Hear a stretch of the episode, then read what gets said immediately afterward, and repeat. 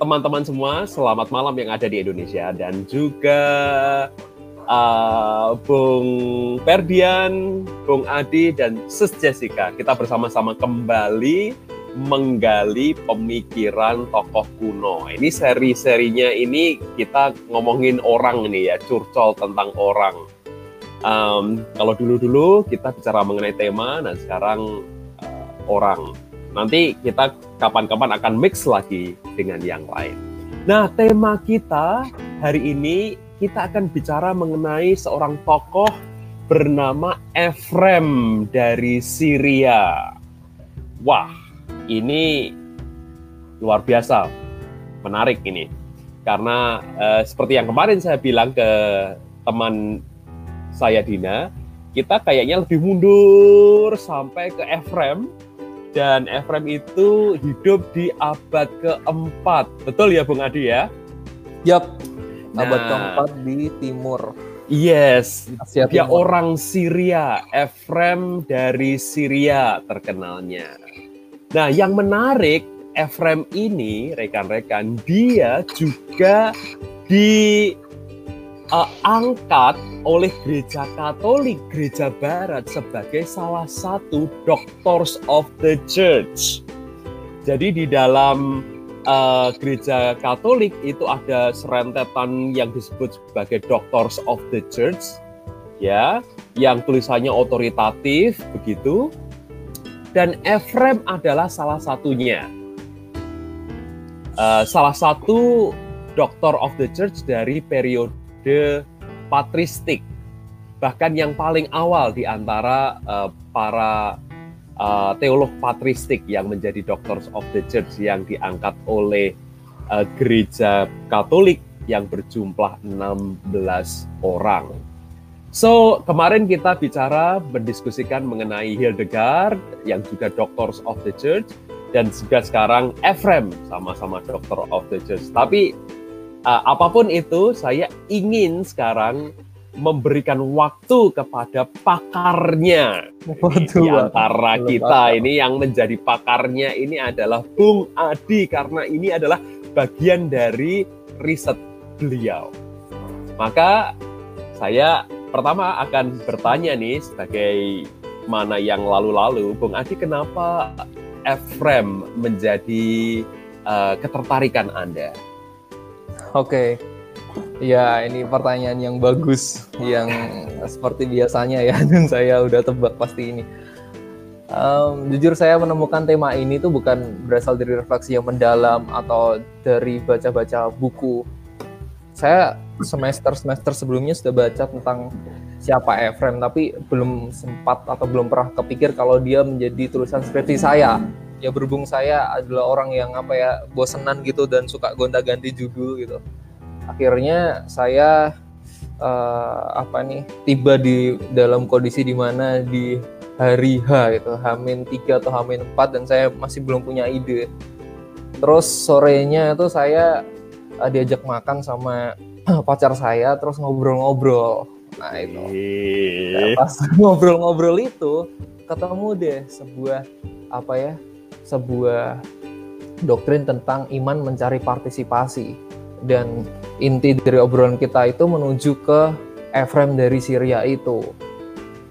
Dan akhirnya saya menulis Efrem dari Syria itu. Nah gitu asalnya. Dan setelah saya menulis ini banyak hal yang saya temukan dari Efrem Efrem ini berasal dari daerah timur yang notabene ke gereja timur, Tia Timur, eh, Afrika, uh, di, da, di dua daerah yaitu Nisibis dan Edesa. Efrem adalah orang atau adalah teolog yang autentik dalam berteologi. Hmm. Bukan autentik ya. Menurut saya malah nyentrik dalam berteologi. Tidak seperti bapak gereja lain yang menggunakan rumusan-rumusan sistematis untuk menjelaskan Allah. Efrem malah menggunakan sastra untuk menggambarkan atau mengartikulasikan pengalamannya tentang Allah Hmm. Nah, ini sebuah warna baru bagi teolog yang sekaligus pencinta sastra. Jadi kalau saudara-saudara di sini eh, merasa diri saudara-saudara adalah pecinta sastra, wah ini Efrem adalah salah satu hal yang harusnya menarik bagi saudara-saudara di sini. Hmm. Jadi Ephraim ini adalah seorang teolog yang pandai mengolah kata dan dan setiap kata yang diolahnya itu selalu bermakna simbolik, bermakna simbol. Jadi kalau orang baca itu kayak ada perjumpaan magis di situ. Kalau bahasanya Mas Soyo kemarin tuh kayak ada mistik gitu. Jadi ya kayak baca puisi tapi puisi mistik ya gitu. Dan ada ah, beberapa risalah yang bisa kita temukan. Namun risalahnya sekali lagi bukan uh, apa ya tulisan sistematis atau tulisan yang berbau filsafat skolastik ya teologi skolastik tapi berbentuk prosa terus tafsiran kitab suci dengan bahasa-bahasa yang puitis terus himne-himne bahkan syair-syair gitu. dan kadang orang kalau apa ya jadi kalau kita membaca Efraim saya kasih notis kita jauhkan pikiran kita mengenai teologi yang skolastik. Jadi kita berjumpa dengan sastra, hmm. berjumpa dengan puisi, berjumpa dengan prosa. Nah, itu adalah satu, salah satu jalan untuk mengenal siapa Ephraim. Hmm.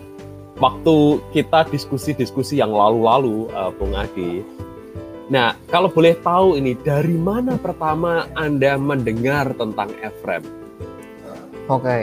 ya ini sebuah hal yang magis juga ya karena saya sebenarnya apa ya ada dikit-dikit pecinta puisi lah. Jadi kalau saya lagi nulis malas nulis jurnal harian, saya lebih tertarik nulis puisi. Dan keinginan saya nulis puisi itu uh, membimbing saya untuk bertemu sang Efrem itu sendiri. Jadi saya celetuk sama dosen dosen saya, dosen patristik pada waktu itu yaitu uh, Hendri Senjaya dan dia ngomong lo ada loh uh, teolog patristik yang kalau dia berteologi nggak pakai apa ya tulisan-tulisan sistematik atau tulisan-tulisan filsafat skolastik tapi dia pakai puisi. Nah dari situlah saya uh, mulai eksplorasi sendiri mengenai Ephraim. Walaupun sempat dijelaskan sedikit mengenai Ephraim di kelas tapi bagi saya itu nggak cukup nih saya harus uh, gali lagi itu siapa itu Ephraim. Dan akhirnya saya jatuh cinta dengan Ephraim itu sendiri. Asik, gitu. asik, asik. Uh, kalau boleh disimpulkan berarti yang pertama itu gara-gara pacaran tadi. iya, diskusi di kafe bisa menjadi skripsi. Iya. Bayangkan teman-teman. Itu ya anu kan? apa? Pacaran aja berat gitu ya. Oh, iya. itu gara-gara mepet. pacaran aja pakai ayat, pakai ayat.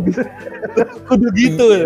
yang, yang kedua ketertarikan ya, untuk meng mengeksplorasi uh, teologi yang non akademik, non skolastik begitu. Kemudian kemudian uh, berjumpa dengan sang Efrem dari Syria ini uh, setelah bercakap-cakap dengan uh, dosen pembimbing. Ah, ini menarik. Oke. Okay. Um, selanjutnya, Bung Adi, pertanyaan kedua nih, pertanyaan besar kedua yaitu yang Anda selidiki dalam skripsi Anda ini apa sih? Gitu kan. Lalu kenapa nah. iman yang mencari partisipasi itu yang Anda angkat menjadi judul dalam teologi kita kali ini. Oke, okay. jadi ber, berbicara mengenai Ephraim berarti kita berbicara mengenai uh, teologi semitik. Dan teologi semitik ini uh, tunggu sebelum saya penjelasan lebih lanjut semitik itu uh, adalah ungkapan saya untuk menjelaskan bagaimana uh, Ephraim menggunakan konteksnya untuk mengartikulasikan teologinya. Yaitu dia pakai bahasa-bahasa Semitik yaitu jauh dari bahasa Latin atau dari jauh dari bahasa Yunani. Dan gaya Semitik ini uh, mempunyai budaya-budaya tertentu budaya-budayanya salah satunya adalah puisi. Jadi uh, Ephraim uh, teolog-teolog uh, Syria abad keempat di awal itu uh, mengajak orang atau berhomiletika de, bukan dengan cara apa ya bukan dengan cara pemaksaan bukan dengan cara uh, apa ya hmm, ya semacam pemaksaan ketakutan surga tapi bukan tapi, tapi menggunakan keindahan dalam puisi itu sendiri. Nah dalam si dari sinilah saya menemukan bahwa uh, iman itu adalah respon dari keindahan. Jadi uh ketika kita melihat sebuah keindahan, kita berpartisipasi masuk ke dalam keindahan itu sendiri. Jadi kita tergerak bukan karena paksaan, tapi kita tergerak karena keindahan. Keindahan dari apa? Dari keindahan Tuhan itu sendiri. Nah, dan ini adalah tema yang akan saya angkat yaitu iman mencari partisipasi. Terus uh, berbicara mengenai iman, saya lanjutkan ya Mas ya. Teruskan, berbicara teruskan. mengenai iman mencari partisipasi berarti kita juga berbicara mengenai pemikiran-pemikiran di balik ini gitu. Jadi kalau kita membayangkan Efrem adalah teolog yang uh, maksa-maksa di pinggir jalan atau teolog yang maksa-maksa dengan apa ya uh, gambaran-gambaran Allah yang suka menghukum atau gambaran Allah yang suka memaksa, gambaran neraka yang uh, sangat uh, jahanam sekali itu nggak ada dalam Efrem karena dalam Efrem itu Allah adalah Allah yang bebas dari paksaan. Allah Allah yang di dalam pikiran Efrem, Allah yang uh, berasal dari pengalaman Efrem adalah Allah yang uh, tidak suka memaksa, bahkan dia apa ya uh, menunjukkan ketidaksukaan memaksanya itu lewat free will yang diberinya kepada manusia, hmm. gitu. Jadi ketika Allah memberi free will berarti Allah sudah nggak bisa maksa, maksa manusia dan Allah memang memilih untuk nggak maksa manusia. Itu adalah konsekuensi yang besar ketika Allah memberi free will kepada manusia. Nah mungkin saya akan sedikit terangkan mengenai ini ya fitur surgawi ya fitur surgawi yang dikasih Allah kepada manusia. Jadi di mana sih partisipasi Allah dan di mana di mana partisipasi manusia. Jadi di dalam gambaran seorang Efrem, Allah menciptakan manusia itu untuk menjadi co-creatornya. Hmm. Co-creator. Dan Allah ketika menciptakan manusia, Allah ingin memberi fitur imago Dei. Hmm. Allah ingin menciptakan manusia supaya segambar dan serupa dengan Dia. Hmm. Nah, makanya Allah memberi ketiga fitur imago Dei. Yang pertama yang saya sebutkan tadi, fitur imago Dei yang pertama adalah free will. Hmm. Nah, free will ini tidak tidak dicapai atau tidak diraih, tapi free will adalah fitur yang cuma-cuma. Hmm free will ini didapat manusia ketika manusia diciptakan oleh Allah. Yang kedua adalah buah pengetahuan. Berbeda dengan fitur free will, kalau free will ini adalah um, apa ya namanya? sebuah hal yang udah cuma-cuma tapi yang buah pengetahuan enggak, buah pengetahuan dan buah penghidupan dikasih kepada manusia dengan prasyarat prasyaratnya apa? Manusia harus menaati perintah Allah. Jadi ceritanya ketika Allah uh, membuat buah pengetahuan dan buah kehidupan, Allah ingin sekali untuk mengecek manusia apakah manusia layak mendapatkan buah pengetahuan itu dan mendapatkan atau mendapatkan buah kehidupan itu. Nah, maka Allah uh, ngomong kepada manusia kalau kamu uh, ingin uh, apa namanya kalau kamu ingin senantiasa hidup kalau kamu ingin uh, berpartisipasi dengan aku jangan makan buah itu hmm. nah hmm. tapi ya seperti yang kita lihat di kejadian Efraim menafsirkan bahwa ketika Adam memakan buah pengetahuan itu Adam terbujuk oleh si iblis tadi. Mm-hmm. Iblis tadi. Jadi kenapa uh, iblis menawarkan sebuah apa ya sebuah alternatif itu. Ketika kamu bisa makan buah ini, kamu akan menjadi seperti Allah. Dan Adam, wow, ternyata aku akan jadi seperti Allah ketika aku mau makan buah ini. Padahal memang sebelumnya Allah sudah mau merencanakan Adam uh, menjadi serupa dengan dia. Hmm tapi iblis ngasih alternatif lain. Jadi kalau kamu makan ini langsung, kamu uh, akan menjadi seperti Allah. Jadi memang Allah pengen Adam menjadi seperti dia, tapi dengan cara yang dikasih Allah kepada Adam itu sendiri. Jadi nggak usah lewat mana pun lah, ikuti saja perintahku, ikuti saja apa yang aku turuti. Tapi si Adam menolak itu dan dia memakan buah uh, apa namanya pengetahuan itu atas nama si Ural tadi dan di sini adalah pokok pemikiran penting dari Ephraim. Ya, ketika uh, ada memakan buah itu terjadilah yang namanya pemisahan antara manusia dan Allah. Hmm. Kenapa itu? Karena Adam sombong, Adam hmm. ingin melebihi Allah, Adam ingin melebihi yang menciptakan dia. Gitu. Dan ini disangkutkan Ephraim dengan eh, kata-kata uh, dari Amsal. Takut akan Tuhan adalah awal dari pengetahuan. pengetahuan. Jadi ketika dia makan buah pengetahuan tapi nggak disertai takut akan Tuhan, ya dia akan terpisah dengan Tuhan gitu. Nah, terus di sinilah partisipasi partisipasi Allah. Gitu. Allah memberikan uh, F memberikan Adam sebuah uh, buah yaitu pohon kehidupan dan pohon kehidupan sendiri itulah yang dimaknai Ephraim sebagai Yesus Kristus. Gitu. Hmm. Jadi bagaimana cara menstabilkan buah pengetahuan itu atau bagaimana cara membuat buah pengetahuan itu bisa uh, stabil ya dengan cara memakan buah kehidupan itu sendiri, mengecap buah kehidupan itu sendiri yaitu Yesus. Gitu. Jadi ini adalah partisipasi. Jadi manusia bagaimana cara manusia berpartisipasi dengan Allah ya dengan cara memakan buah kehidupan itu sendiri. Dia harus berkali-kali memakan atau mengunyah buah kehidupan itu sendiri supaya pengetahuan dan free will-nya ini tunduk pada pengetahuan Allah.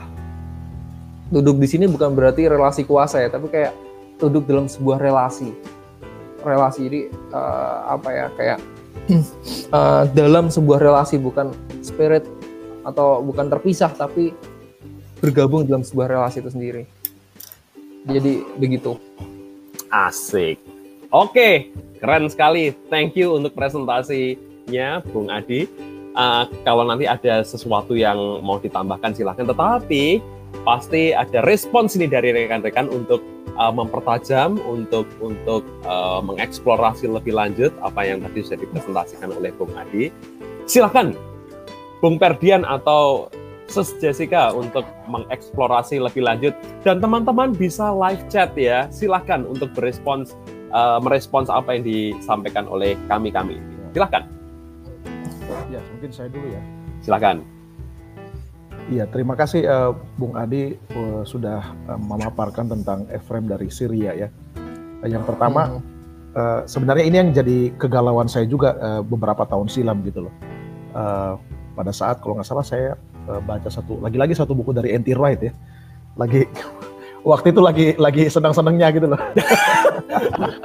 masih juga nggak apa-apa. Oh iya masih senang juga. Nah yang saya suka itu waktu kalau nggak salah dia uh, dia bilang sama teologi itu teologi itu dimulai dari uh, bukan dari pengetahuan objektif gitu. Uh, teologi itu dimulai dari beauty, uh, dari keindahan gitu. Dan wah itu saya uh, apa cukup cukup terkejut ya.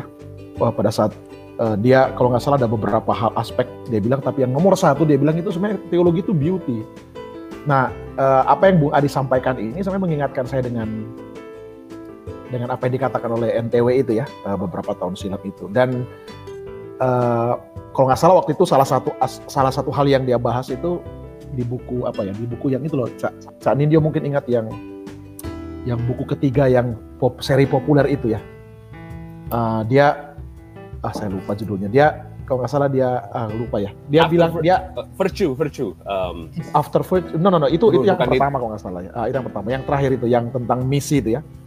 Oh uh, ya ya ya ya ya. nah itu dia dia bilang sebenarnya uh, misi itu harus atau uh, kekristenan itu mestinya kalau memang kita menempatkan beauty sebagai hal yang penting dalam teologi maka itu harus dekat dengan yang namanya art dengan dengan seni gitu Nah, tapi justru kalau kita lihat sekarang gitu, uh, pembicaraan seni dan teologi itu kan sangat seolah-olah sangat apa ya, sangat dikontradiksikan gitu loh, Bung Indio. Uh, uh, apa ya, misalnya uh, selalu selalu kalau ada ada art, art itu pasti yang dibahas itu bahayanya gitu loh, Bung. Uh, ya kan, yeah. uh, bahaya, ya kan?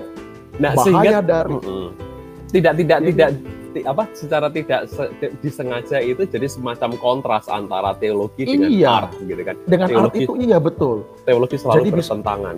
iya jadi selalu uh, uh, misalnya tinjauan Kristiani uh, terhadap uh, gambar ini misalnya ya tinjauan Kristiani terhadap uh, film ini misalnya ya jadi yang diributkan itu hal-hal seperti itu ya tanpa melihat bahwa uh, art itu semestinya penting dalam teologi.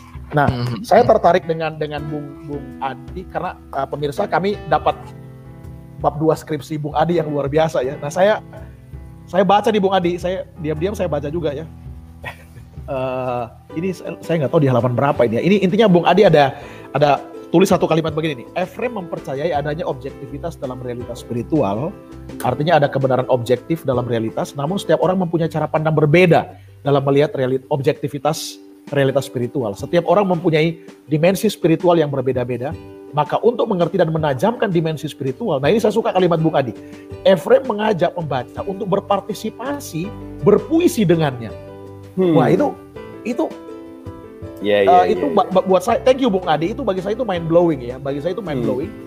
Saya melihatnya berarti uh, ini ingin konfirmasi dari Bung Adi, berarti yeah. boleh nggak saya bilang Bung Adi ingin mengatakan bahwa partisipasi di sini itu dalam pengertian karena memang realitas betul, realitas uh, objektif itu ada, tetapi respon itu bisa berbeda-beda begitu dan itu tidak tidak usah diributkan gitu loh respon berbeda-beda itu Bagaimana Bung Adi? Saya saya senang ini kalimat Bung Adi ini. Waduh. Tapi okay, nanti, okay. nanti nanti justru saya mengejar Cak Perdian ini bukan Kak Adi ya. Lalu okay. kebenaran itu apa, Cak? Okay. Nah, nah, itu ya, makanya tanya ke Adi. Oke. okay. Jadi ini ini adalah ya ini, ini bagian yang juga saya sukai. Jadi ketika kita berbicara mengenai cara berteologi Ephraim, berarti kita berbicara mengenai simbol dan tipe gitu. Jadi betul, apa pun betul apa pun yang dalam. Jadi saya kasih pengantar sedikit bagaimana cara Allah memperkenalkan atau berpartisipasi dengan manusia. Jadi ketika kita berbicara Allah dan manusia, itu ada jurang ontologis yang besar. Allah adalah hal yang transenden, manusia terbatas. Nah, ini adalah pokok dari pemikiran Ephraim. Jadi bagaimana Allah bisa ke sini? Jadi Allah membiarkan dirinya yang transenden itu menjadi imanen Allah berusaha keluar dari dirinya yang transenden menjadi imanen. Dan cara dengan melalui cara apa? Dengan tiga cara. Yang pertama melalui alam. Hmm. Jadi ketika kita melihat alam dengan kekaguman, dengan uh, apa ya? Dengan kekaguman, berarti kita mencoba melihat Allah dalam situ. Di mana sih Allah dalam alam ini? Karena Ephraim percaya ketika kita melihat alam, kita melihat jejak-jejak uh, arsitek dari Sang Maha Kuasa itu sendiri. Dan keindahan ya, beauty ya, iya. keindahan itu tadi ya.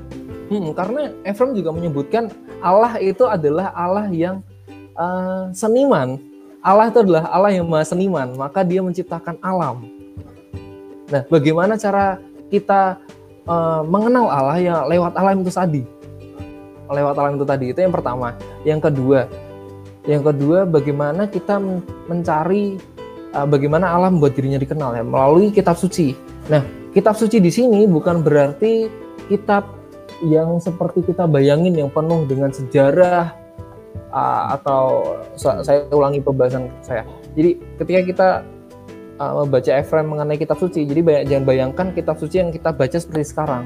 Jadi apa pun yang dalam kitab suci ini harus bersifat kristosentris. Jadi harus bersifat berpusat pada Kristus yang pertama.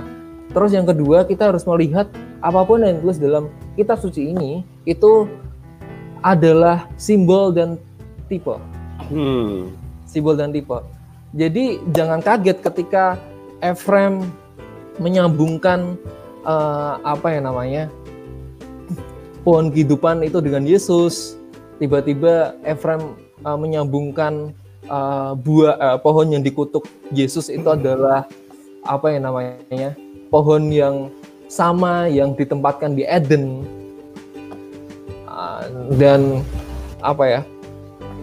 Ketika kita ngomong tentang apa ini Allah yang mengejawantahkan dirinya sebagai manusia pun Efrem membuat apa ya simbol-simbol. Jadi Efrem menggunakan simbol-simbol dalam Alkitab untuk menerangkan siapa itu Yesus.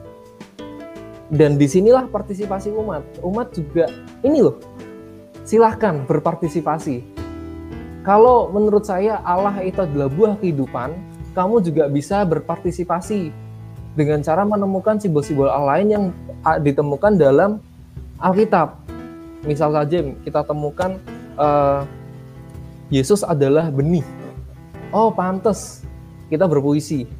Uh, misal kita berpuisi, uh, jika kita ciptakan dari tanah, maka benar saja kalau Yesus adalah benih yang tumbuh dalam hidup kita. Nah kayak gitu. Jadi kita diajak berpartisipasi, diajak berpuisi bersama Efrem, gitu.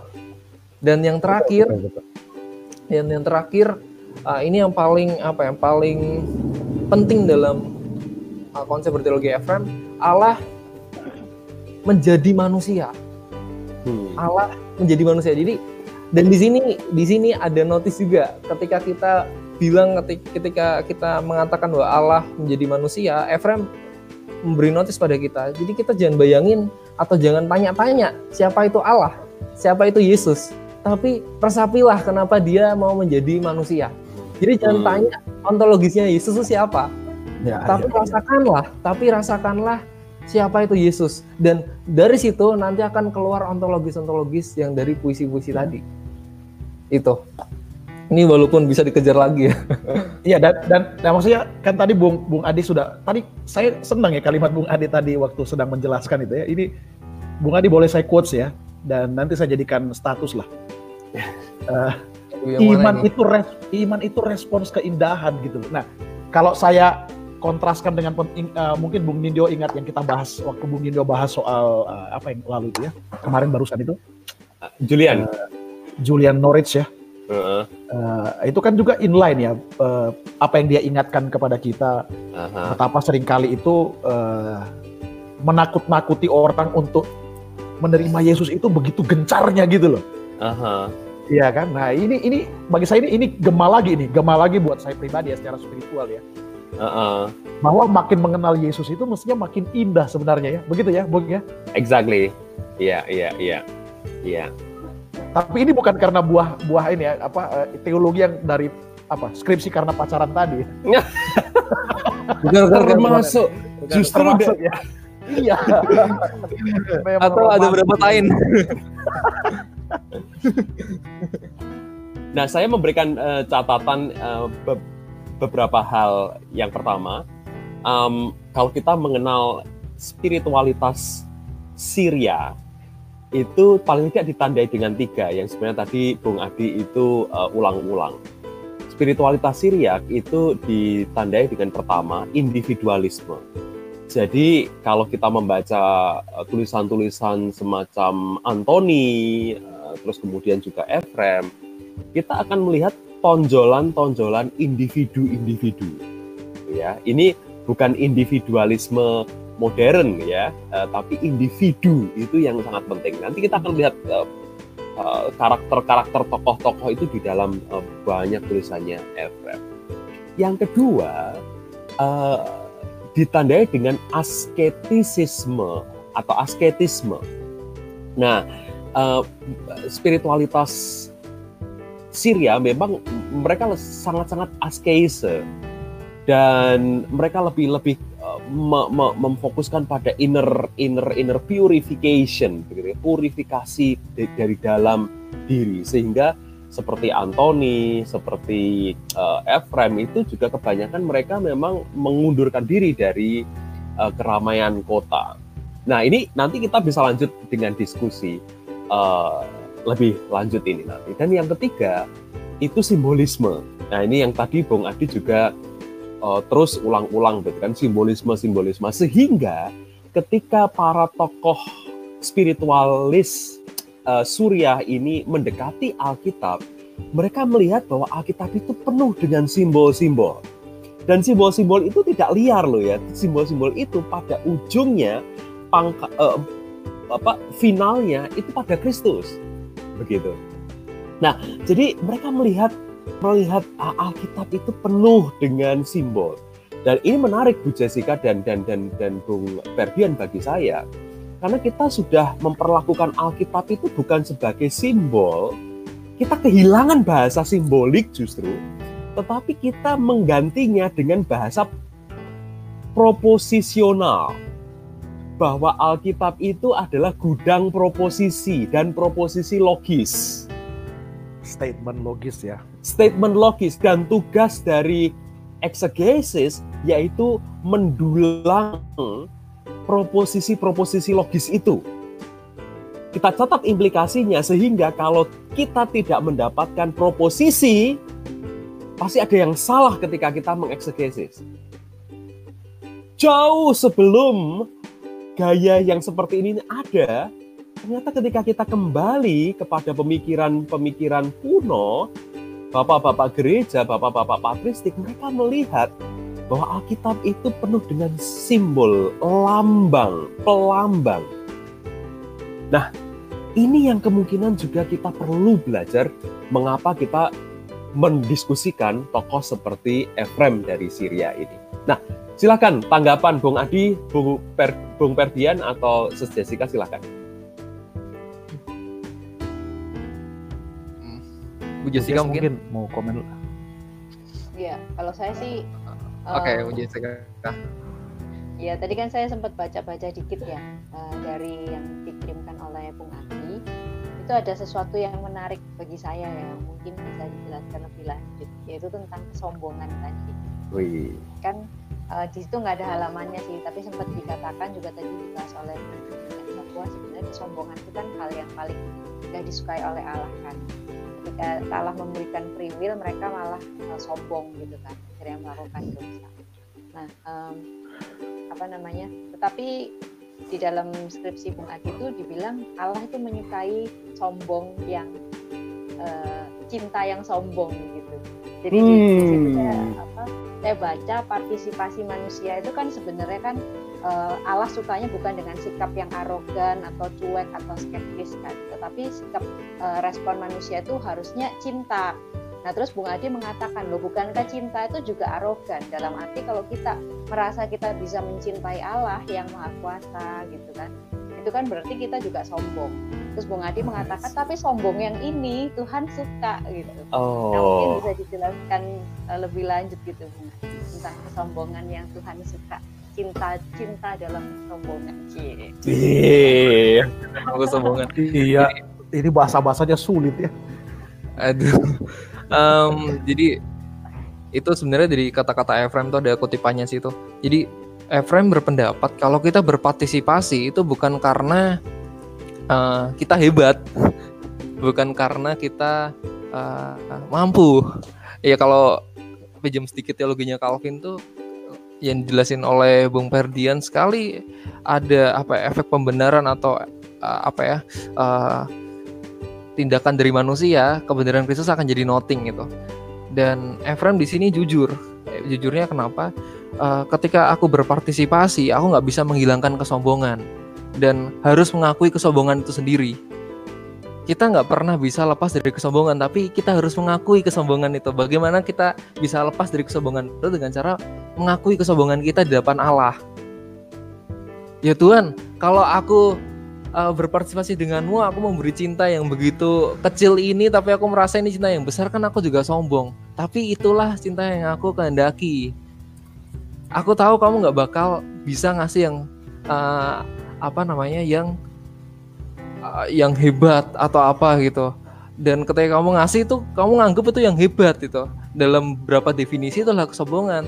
Tapi yang penting dari dari sebuah itu adalah uh, partisipasimu.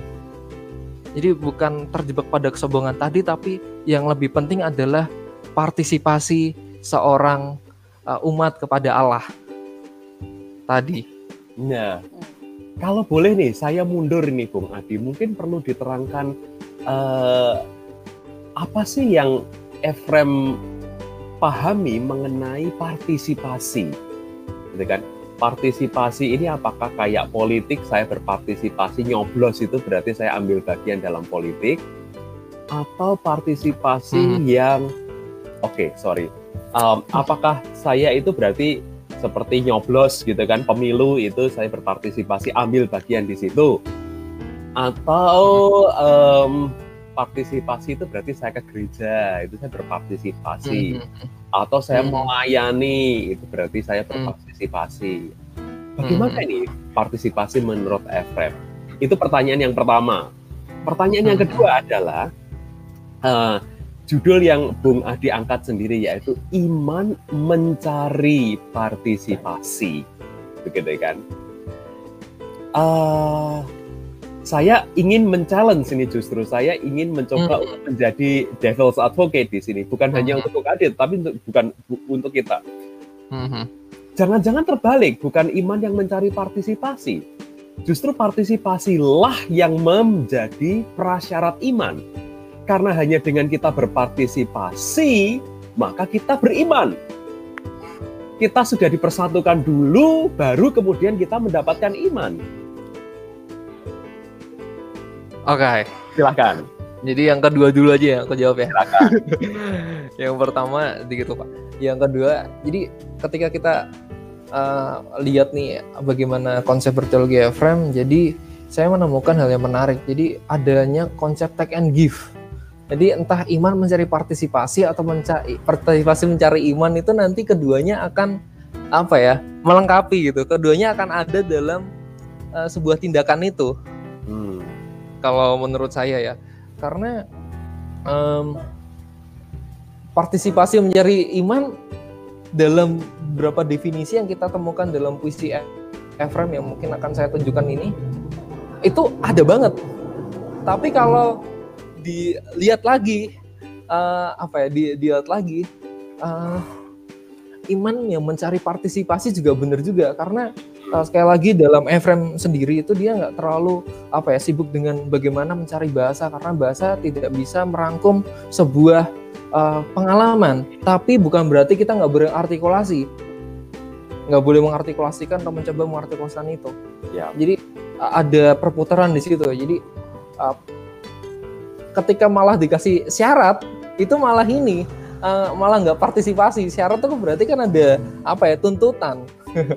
Syarat tuh kayak tuntutan untuk kelas ini. Jadi uh, sama-sama melengkapi. Hmm. gitu kalau menurut saya. Oh, oke. Okay. nah pertanyaannya akan akan relate dengan pertanyaan yang pertama tadi. Kalau begitu hmm. uh, definisi atau arti dari partisipasi itu apa? Lalu yang kedua juga tentu saja iman kalau begitu. Sehingga uh, sambungannya ini dengan judul kita makanya hmm, hmm, hmm, iman mencari partisipasi nah apa ini definisinya antara iman dan juga partisipasi itu? Silahkan.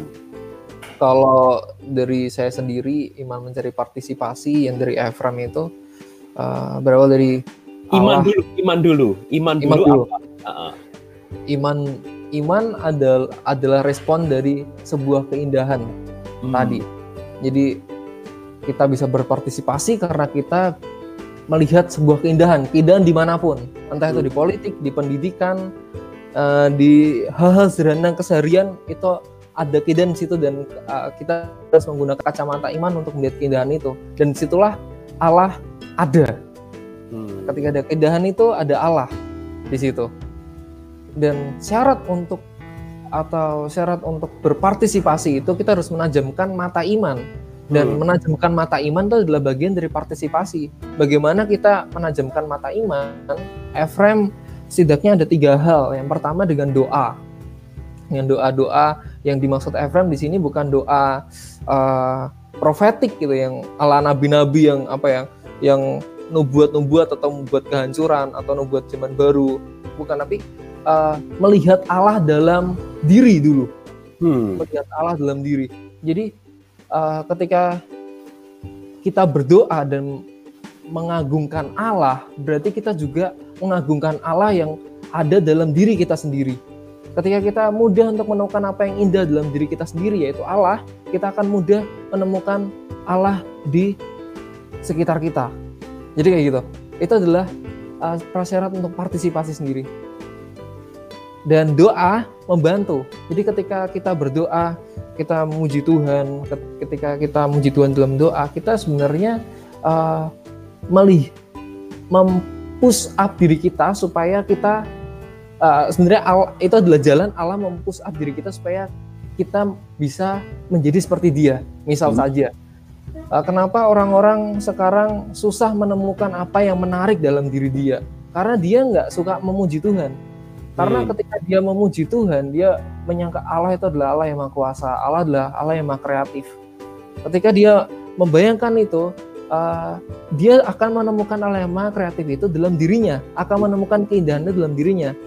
Dan saat itulah anugerah yang anugerah anugerah itu diberi, anugerah kekreativitas diberi, anugerah ke, uh, kemustahilan dalam batas manusia itu diberi Hmm. dan begitulah cara kerja partisipasi.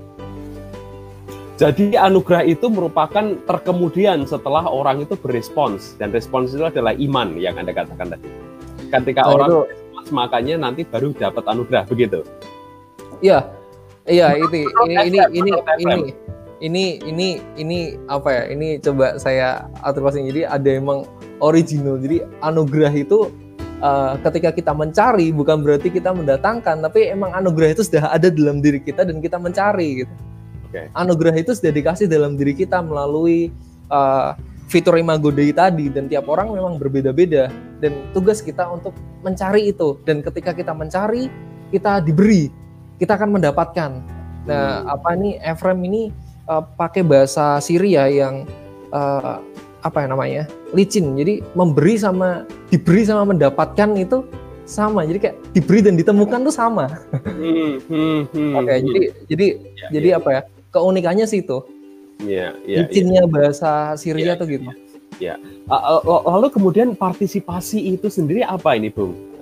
Tadi kan apa yang saya dengar itu kan partisipasi itu berarti ya doa itu berarti berpartisipasi dengan Allah. Hmm. Uh, terus kemudian uh, berpartisipasi itu seperti semacam respons. Tetapi uh, lebih dalam lagi, kalau ini men- dikatakan iman mencari partisipasi itu definisinya menurut Ephraim apa?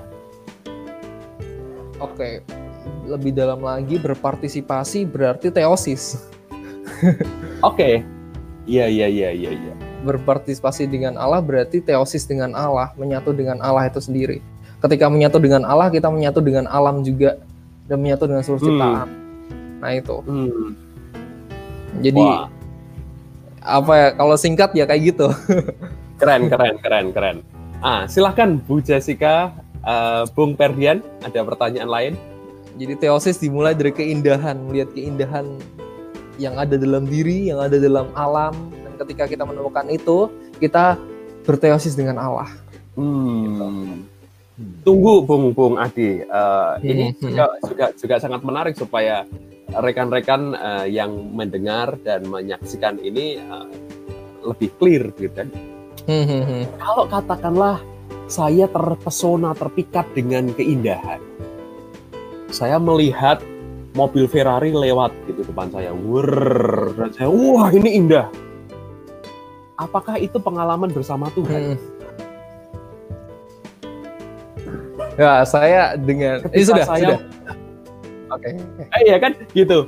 Atau saya melihat Hmm. sapi jalan, begitu kan, sapi, sapi. Sapi. Terus saya melihat, wih, sapi itu kok cantik ya, begitu. Apakah saya sedang ber- merespons keindahan Tuhan itu? Nah, ini ini supaya clear sehingga kita bisa melihat apa namanya Iya. bedanya di mana kalau Dan justru ini, uh, jadi saya terangkan di dalam implikasi dan apa namanya tek- teknologi dan implikasi di bagian teosis itu, bagian terakhir. Saya akan jawab iya gitu. Ketika kita melihat Ferrari itu adalah uh, bagaimana manusia berpartisipasi dengan Allah dan ia membuat prototipe mobil. Oh, oke. Jadi pengetahuan yang dia ciptakan uh, dari apa ya pengetahuan yang ia ciptakan itu pengetahuan Hmm. yang uh, jadi mobil itu itu adalah pengetahuan yang uh, berasal dari teosis dia dengan Allah. Jadi Gitu. bukan bukan Ferrari-nya ya, tetapi justru uh, gagasan ide yang bisa menciptakan mobil yang sedemikian indah itulah yang kemudian uh, merefleksikan bahwa seorang itu sudah berpartisipasi, sudah berteosis dengan Allah. Seperti itu. Iya. Kalau lihat sebuah Iya, teknologi, oke. iya. Ya. Ini ada ini ah, ah, ini cukup membedakan sekali dengan filsuf-filsuf Yunani. Kalau filsuf-filsuf Yunani itu dia memakai kata ketika aku menciptakan sesuatu berarti aku eh, yang menjadi figur yang menciptakan ini aku. Nah, ini yang menjadi figur yang menciptakan aku. Nah, kalau Ephraim enggak, dia punya pandangan tentang teknologi yang berbeda yang didapatkan da- dari uh, teosisnya itu. Jadi, ketika kita menciptakan sebuah teknologi, uh, kita ini uh, tunduk kepada hukum-hukum alam, terus kita mencoba berdialog dengan alam itu, berdialektika dengan hukum alam tersebut, terus kita membuat prototipe hukum alam tersebut. Dan ketika kita membuat hukum alam tersebut, seharusnya kita, wah, gila ya, uh, Allah bisa menciptakan uh, pengetahuan seindah ini, dan aku cuma bisa meniru prototipenya, Hmm. kayak gitu. Kalau sapi, sama sapi sama sebuah sapi juga gitu Ya. jadi bisa dilihat uh, dalamnya antisipasi manusia dan ketika lihat apa bahkan uh, itu apa ya nyambung ke apa ya visi teologis dari eh visi ekologis dari Ephraim itu sendiri jadi nggak cuma berteosis Oh. dengan Allah tapi ketika berteosis dengan Allah kita juga melihat seluruh ciptaan itu sendiri termasuk sang sapi Atau- tadi iya. Tapi Bung Bung Adi, apakah itu tidak menjurus kepada pemikiran panteis begitu bahwa segala sesuatu adalah Allah Nah. kalau begitu? Nah, ini akan saya jelaskan juga ini. Jadi ini Sip. berbeda dengan pikiran panteisme atau Hindu yang Atman. Uh, dunia ini adalah Atman dan Ah. kita ini adalah pecahan-pecahan Atman. Itu beda, beda sekali dengan konsep teologisnya. Kalau Ah. Ephraim itu apa pun yang diciptakan Allah di sini itu Allah meninggalkan jejaknya supaya kita bisa menemukan jejak yang kita temukan itu bukan Allahnya tapi jejak Allah Hmm. jejak yang menunjukkan siapa Allah itu. Jadi ketika kita melihat alam itu kita lihat uh, jari yang menunjuk ke Allah. Jadi itu Nah, bukan apakah- Allahnya. Bung Adi, a- saya potong sedikit, apakah uh, jejak-jejak itu yang dia istilahkan dengan simbol-simbol tadi? Iya. Nah, Oke. benar. Iya, benar. Itu yang diistilahkan dengan simbol itu tadi. Jadi simbol jadi apa ya? Uh, hal yang paling krusial dalam teologi Ephraim dan ketika kita bagaimana kita bisa melihat simbol tadi, kita mengasah mata iman kita. Ya karena karena ini bisa salah paham ya kalau kita memahami Hmm. simbol dari dari definisi yang umum kita pahami kan nanti Hmm. tadi kalau nggak salah juga Bung Nindo sudah klarifikasi ini kita bisa bisa kemudian eh, apa ya disalah mengerti juga ya maksudnya Hmm. orang bisa gampang me- menyalah mengerti eh, Ephraim gitu ya seolah-olah misalnya tadi Al- Alkitab adalah simbol misalnya wah Ya. berarti Alkitab ini eh, bukan kebenaran hanya simbol kebenaran begitu kan padahal kan bukan itu yang dimaksud oleh Ephraim sebenarnya Betul.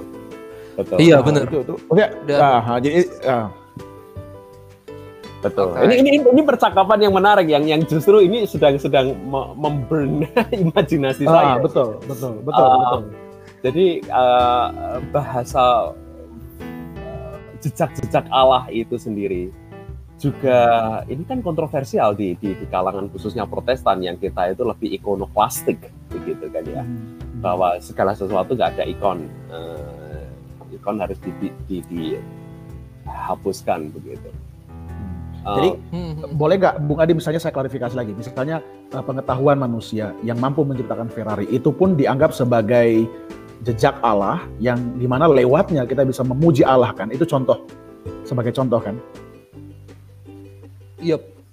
Benar Oke, sekali. oke oke oke Tepat sekali. oke jadi setiap setiap hal yang mengundang kekaguman kita eh, akan sesuatu yang sebenarnya ada dalam hukum alam itulah jejak-jejak yang Allah tinggalkan dan di sana kita berefleksi menjadi simbol kita nantinya bisa melihat Allah dengan eh, atau mengarahkan kita kepada Allah begitu ya Iya, Hmm, iya. Terima kasih. Iya. Nah, nah, Bung Adi, eh, pertanyaan saya selanjutnya, kalau begitu tujuan akhir dari partisipasi atau menjadi Allah itu apa sih?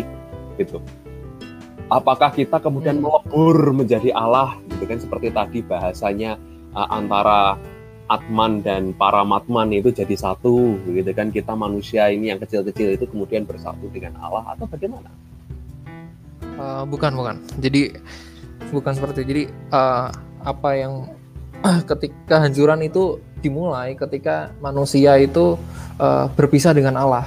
ketika manusia tidak berpartisipasi dengan Allah. Ketika manusia tidak berpartisipasi dengan Allah dengan cara memakan buah pohon kehidupan tadi, manusia akan menggunakan pengetahuannya uh, dengan semena-mena dan itulah akar kehancuran itu tadi. Jadi uh, ini bisa dimengerti kenapa uh, dunia ini semakin hancur atau dunia ini semakin gawat. Ya, hmm. Ya karena pengetahuan manusia tadi nggak didasarkan oleh kekaguman akan Allah atau takut akan Allah tadi. Hmm. Gitu. Uh, alam rusak itu saya jelaskan di bab 2 terakhir saya. Hmm. Dan uh, saya juga mau menambahkan tentang apa namanya? Uh, partisipasi tadi ya. Hmm. Uh, ini jangan pernah kita lupakan.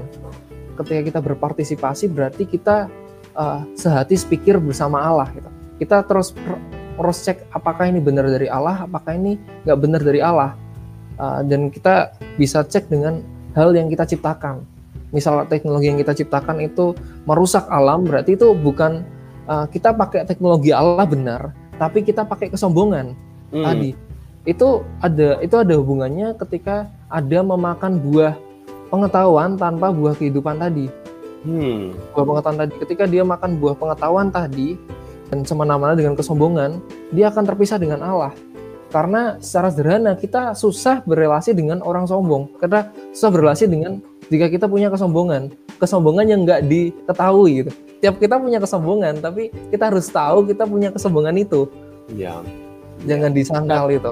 Dan, dan sebabnya mengapa Efrem uh, menghindari atau mungkin ya tadi seperti Bung Dinyo sampaikan teolog-teolog Syria itu menghindari penjelasan secara filsafat uh, tentang Allah. Karena di sanalah sebenarnya akar kesombongan bisa muncul. Allah itu tugas kita bukan menjelaskan secara ontologis tentang Allah begitu kan? Tapi berefleksi dari jejak-jejaknya. Betul ya bung ya? Ini hmm. itu menarik. Betul saya saya jadi seneng gitu loh. Ini ini luar biasa gitu loh. Dan dan kalau saya berefleksi uh, uh, bung Adi tadi ya, saya sedikit lagi kembali ke yang pertama tadi saya saya ulas tadi ya kalimat bung Adi di deskripsi anda. Uh, ajakan Efrem untuk untuk apa? Untuk berpartisipasi dalam berefleksi tentang simbol-simbol tadi dan bukan memperdebatkan gitu kan. Dia dia, dia kan uh, anti sekali kan memperdebatkan uh, definisi dan sebagainya begitu ya. Karena itulah yang membuat uh, dan, dan dan kalau berefleksi ada benarnya juga kan perdebatan yang tidak habis-habisnya tentang teologi yang akhirnya membuat perpecahan dan jangan-jangan itu itu apa ya seperti ya itulah buah dari dosa tadi ya Bung Adi bahkan hmm. bahkan bahkan teologi pun itu bisa menjadi alat kesombongan. Boleh nggak saya, saya bilang seperti itu Bung Adi sangat boleh Terus ngapain Tadi, kalian belajar teologi dong kalau gitu? Loh. Justru supaya kenal Efrem. Oh, ya, Tapi masalahnya Bung Adi dalam skripsinya menjelaskan Efrem secara filsafat. Iya, iya kan. Iya, ini, ini juga, juga masalah yang supaya yang lain. Lulus, supaya lulus itu masalah. supaya jelaskan dia. Tapi saya bisa kasih pembenaran gitu itu saya kasih kebenaran. Jadi kan saya juga apa ini mengatakan yang dikatakan Bu Jessica tadi kan uh, kita tuh harus sombong di hadapan Allah tapi dengan sombong rendah hati dengan makan dengan rendah hati saya menyusun skripsi saya yang draft ini. Pertanyaan yang terakhir lalu relevansinya Efrem ini untuk dunia modern dan untuk kekristenan kita konteks Indonesia itu kira-kira apa yang Bung Adi lihat? Um, justru saya melihat banyak hal ketika saya ya, pertama kita bisa belajar tentang dunia bagaimana ketika kita beribadah kepada Allah kita kadang melupakan alam. Efrem jelas-jelas ketika kita berteosis dengan Allah kita akan menyatu dengan alam itu sendiri. Kita akan jadi bagian dan bentuk dari apa namanya kesatuan kita Allah dan alam itu tadi itu membuat kestabilan dunia, kestabilan ekosistem, kestabilan ekologi. Dan banyak hal yang sekarang ini kita temukan pembakaran hutan atas nama investasi terus apa namanya uh, orang hutan yang dibunuh.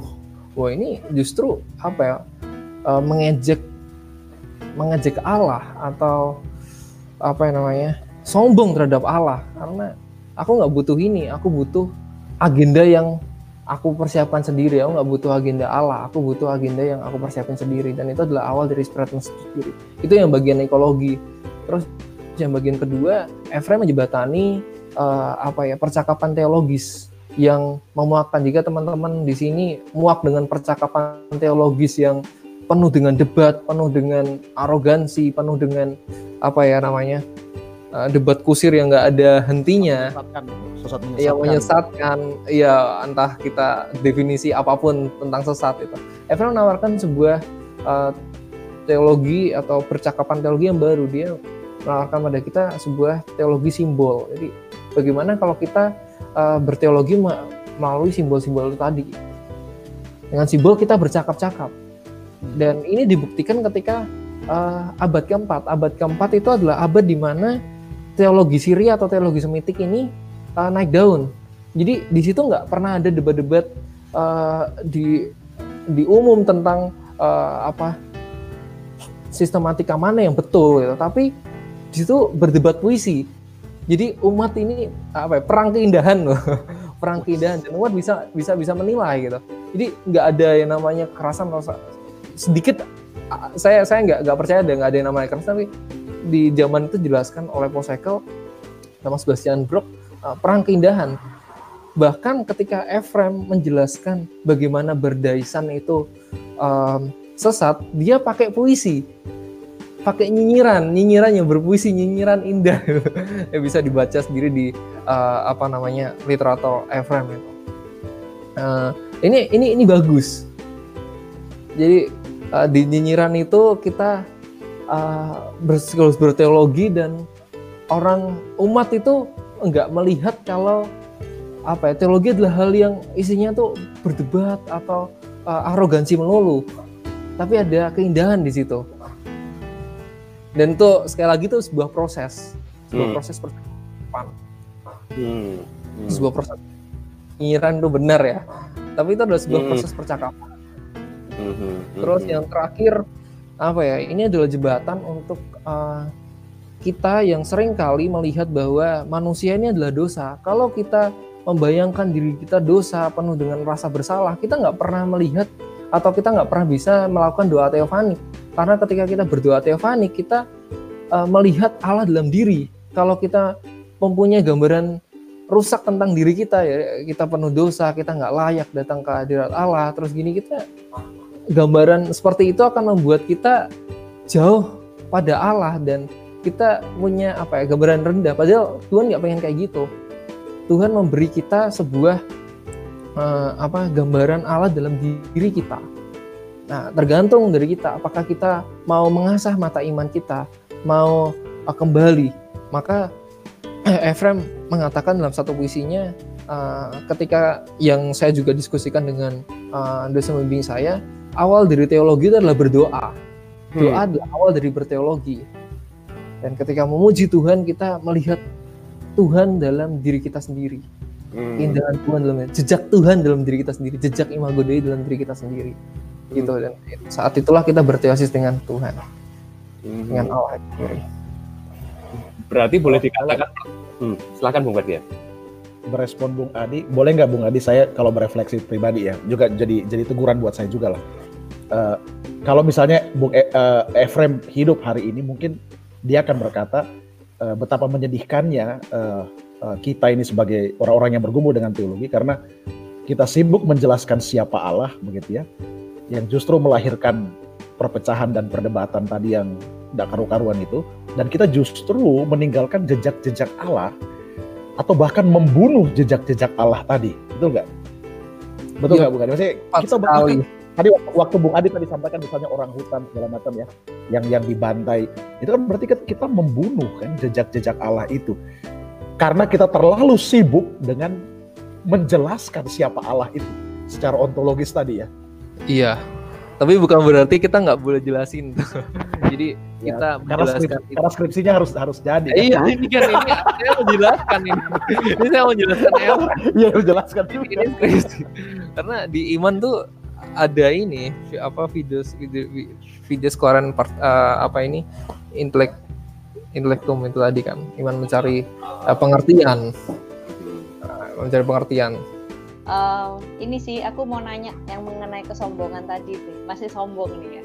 Masih Iya. itu kan kayaknya dia fokus banget tuh sama apa kesombongan gitu kan.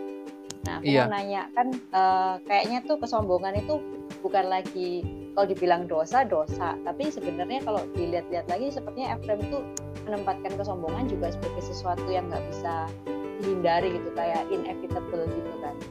Nah eh, mau cinta Tuhan pun juga nggak bisa menghindari dari kesombongan ya kan? Kalau mau benci Tuhan pun juga itu karena kesombongan apakah jangan-jangan Efrem tuh justru melihat kesombongan itu adalah sesuatu yang inevitable bahkan sudah memang manusia itu ya sombong tapi sombong itu menjadi salah karena manusia belum teosis. Tapi kalau udah teosis kayak Allah nih Allah kan kalau Allah kita nggak pernah bilang Allah itu sombong kan? Gitu karena sebenarnya emang apa karakter itu ada dalam dirinya tapi untuk Allah itu nggak apa-apa gitu. Tapi untuk manusia itu sesuatu yang salah gitu tapi nanti ketika kita teosis jadi sebenarnya kayak kesombongan itu perlu dihilangkan nggak sih kan sebenarnya pun dihilangkan juga nggak bisa gitu kan nah Hmm. itu gimana apakah jangan-jangan itu bagian dari imago Dei juga atau seperti apa Oke, ini ini ini ini bagus nih. Jadi saya malah berpendapat kalau kesombongan ini diciptakan Allah gitu. Itu supaya kita aware. Jadi waduh, aku udah mulai sombong nih. Jadi eh, ketika sombong tuh sebagai alat kayak tadi yang saya dibilang di apa namanya di skripsi saya eh, hasrat-hasrat itu tuh alat yang pemilik hasrat itu adalah kita. Jadi kita yang berhak menentukan eh, apa namanya kita memakai hasrat itu untuk eh, berpartisipasi atau tidak. Nah, ketika kita bertemu dengan hasrat kesombongan, kita harus menyadari hasrat kesombongan itu. Menyadari hasrat kesombongan itu sebagai sesuatu yang nggak bisa dihilangkan. Kalau kita lawan malah apa ya kita akan capek. Lebih baik dipeluk tuh hasrat kesombongan itu. Ini Dipeluk. pertanyaan ini pembacaan Anda terhadap Efrem atau ini Iya, uh, pemba- ini pembacaan saya. Oh, pembacaan Anda terhadap Efrem. bacaan saya terhadap. FM. Jadi eh, ini apa ya?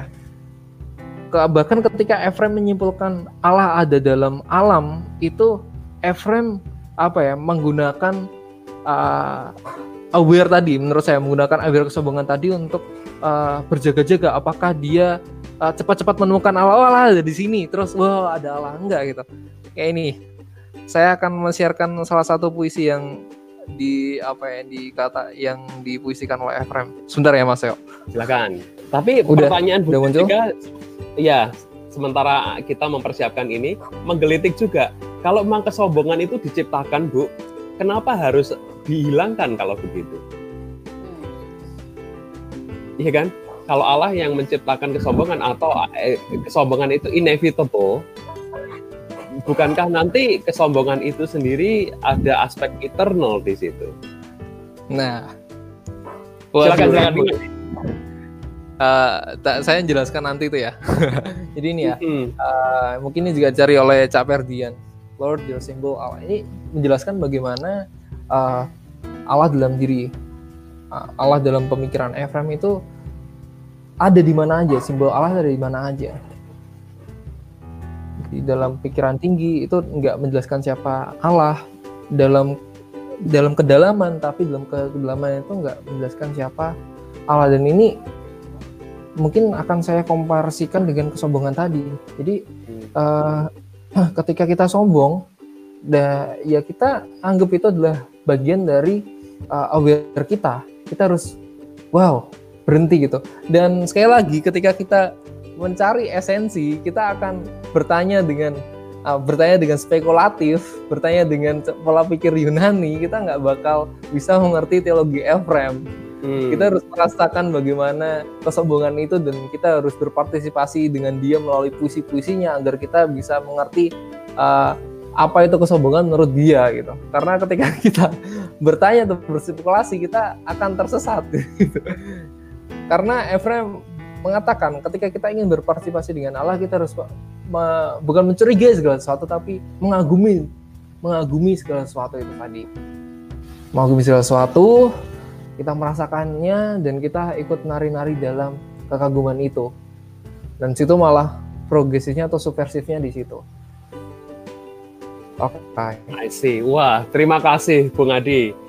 Luar Semoga biasa. cukup menjelaskan. Oh, ya, nggak apa-apa, tidak tidak mencukupi, nggak apa-apa, tetapi justru membuat pertanyaan itu sekali lagi yang sangat penting untuk Dan- teologi. Dan dan Bu, Bung Nindyo buat saya apa yang Bu Adi sampaikan tadi bagus sekali ya. Eh, Exactly. Waktu Bu Adi sampaikan Ya. kesombongan itu bukan untuk sekedar dijelaskan, tapi untuk kita rasakan, ya kan? Kita kita eks, kita apa? Kita hayati dan mungkin juga kita kita rasakan dampaknya. Oh ternyata sombong itu salah gitu ya. Mhm. baru. Nah itu itu mungkin poin yang yang penting yang tadi Bung Ade sampaikan.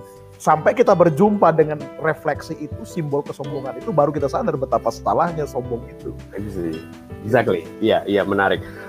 Iya, thank you teman-teman. Ini uh, percakapan kita sudah uh, begitu menyenangkan luar biasa, tetapi waktunya juga yang akan memisahkan kita. Uh, Terakhir, terakhir, terakhir pesan terakhir mungkin. silahkan, silahkan. Silakan.